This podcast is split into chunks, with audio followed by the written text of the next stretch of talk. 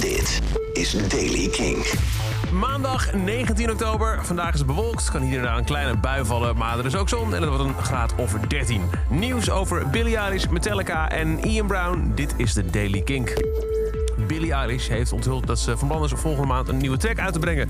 Dat deed ze in een Q&A-sessie op Instagram. Iemand vroeg, nieuw song? Zij antwoordde heel simpel, november. Uh, daarop kwam van een andere fan weer de vervolgvraag...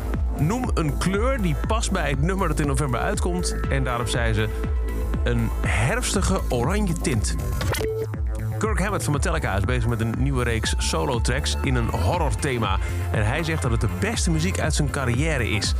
Hij werkt samen met Edwin Outwater, dus de componist die ook heeft meegewerkt aan de SM2 live shows.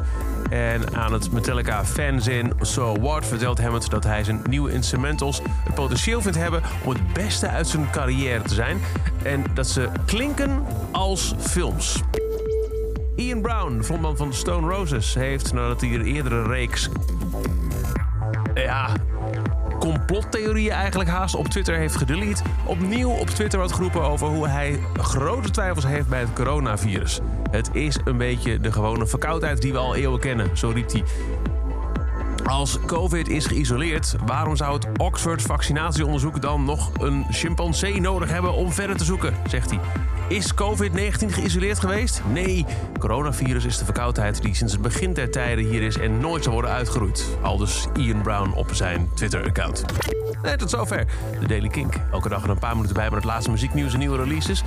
Niks missen? Luister dan dag in dag uit via de Kink-app, kink.nl, waar je ook maar een podcast luistert. En vergeet niet, vanaf vandaag op Kink, twee weken lang de Kink 1500. De lijst met de 1500 beste alternatieve tracks ooit gemaakt.